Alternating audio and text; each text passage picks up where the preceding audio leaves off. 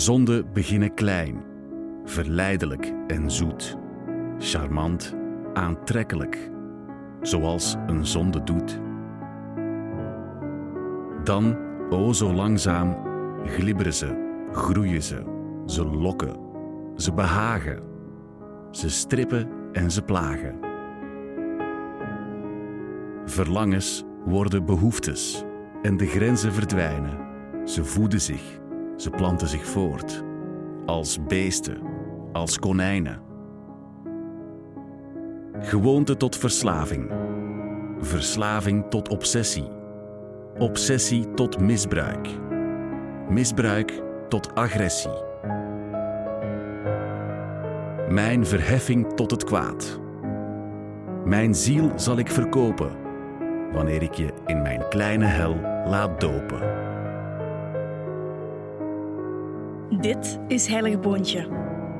Een luisterverhaal waarin ik, Lotte Snijders, jou meeneem in een fictief audiolandschap over de zeven zonden in een hedendaagse setting. Dit is Invidia, het verhaal van Leonie, een meisje dat wil zijn zoals alle andere meisjes op haar school. Maar wat als ze werd geboren in het verkeerde lichaam?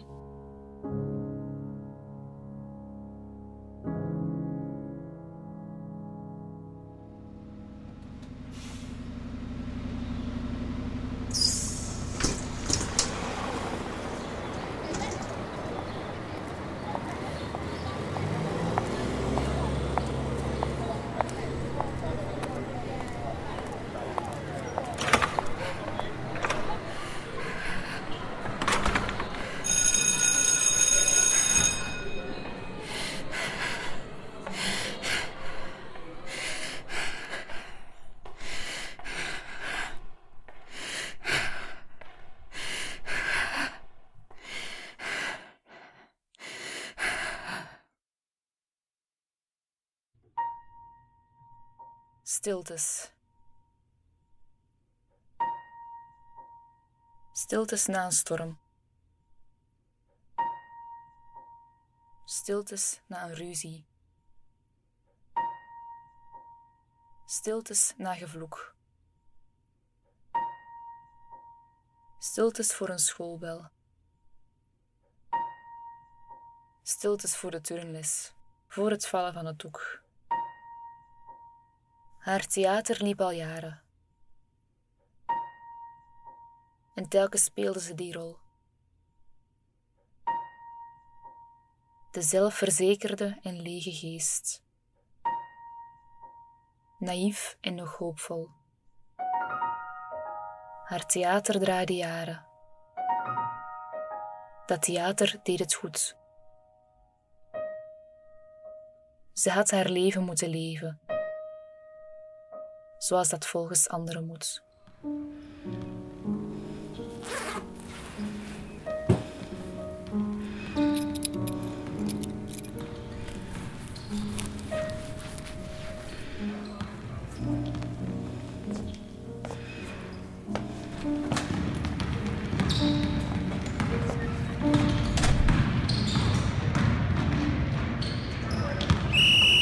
De ochtendzon schijnt fel door de ramen van de turnzaal.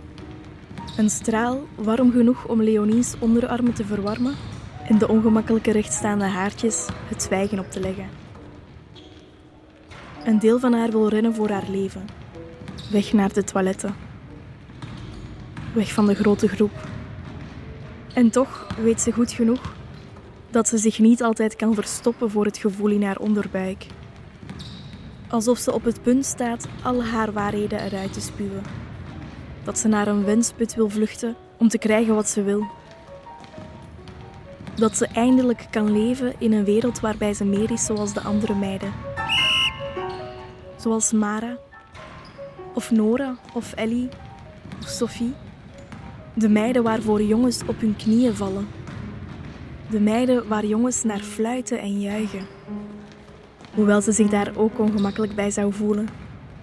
Maar alles lijkt Leonie beter dan dit. Beter dan dat aanslepende gegil in haar achterhoofd. Een aanhoudende sirene die haar al wekenlang verdooft.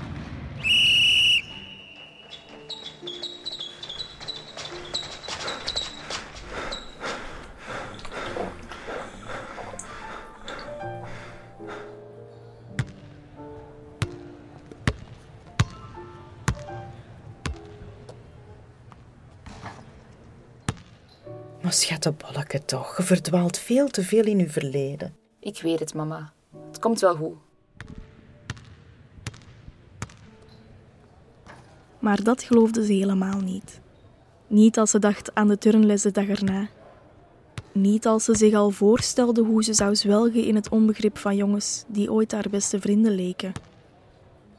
Zoals ze zou verstrengeld raken in het web van blikken van meisjes die haar vroeger aanbaden. Ze was beter een ander geweest. Een beetje zachter, minder bot, van nature mooier, een beetje warmer. Het plaatje van een meisje dat volledig klopt.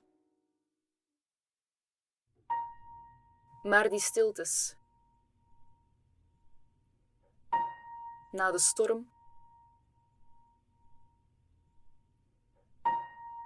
Na de ruzies. Na gevloek. Pennetikken.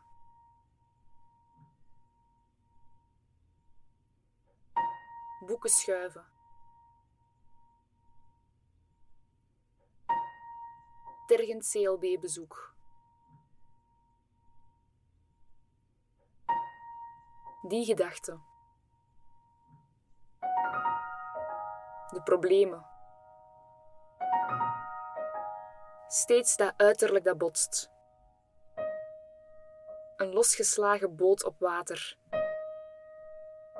In een storm die ze opzocht.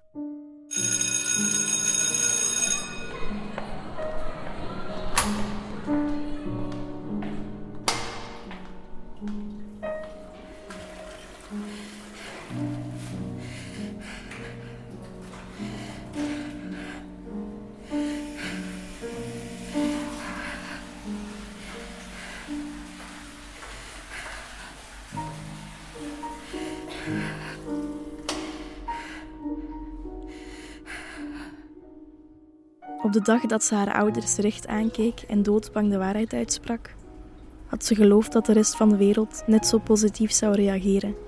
Maar de werkelijkheid bleek anders en helemaal niet zo goed. De vrienden die vrienden leken, die vertrokken, tot ze vrijwel alleen achterbleef. Lunches op het toilet leken haar daarvoor een verzonnen scenario. Tot haar middagen enkel bestonden uit gestaar en geroezemoes. Tot ze niemand kon aankijken zonder te wensen dat ze meer zoals hen kon zijn. De storm woedt nog steeds door haar gedachten, terwijl ze over het veld heen rent. Van goal naar goal en terug. Ze scoort het ene punt na het andere zonder moeite. Met soepele manoeuvres en simpele schijnbewegingen die haar tegenstanders afleiden.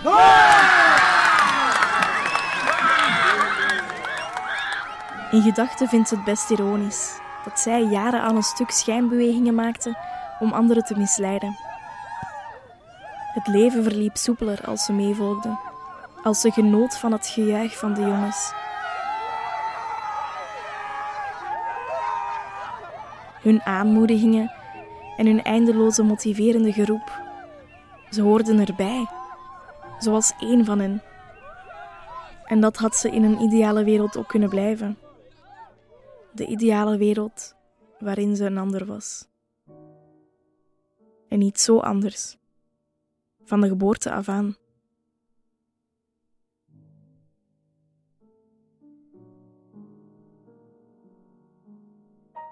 Al die stiltes.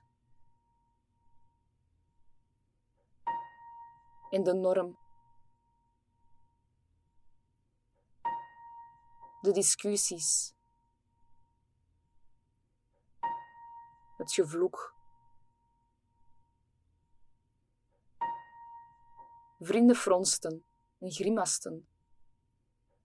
Een gepaste antwoord zoek.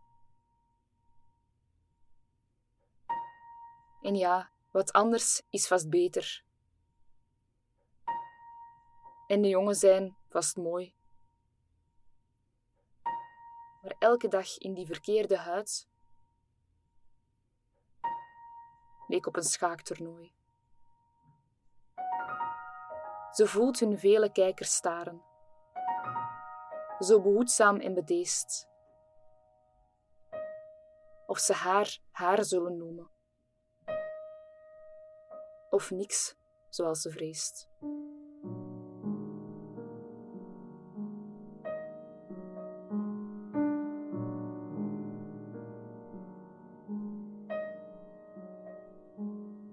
Dit was Heilig Boontje. Een luisterverhaal over de zeven zonden in een hedendaagse setting. Dit werk werd mogelijk gemaakt door auteur Amber Clark, jeugdhuis Govio in Kalmthout en de acteurs van Parktheater Brasgaat.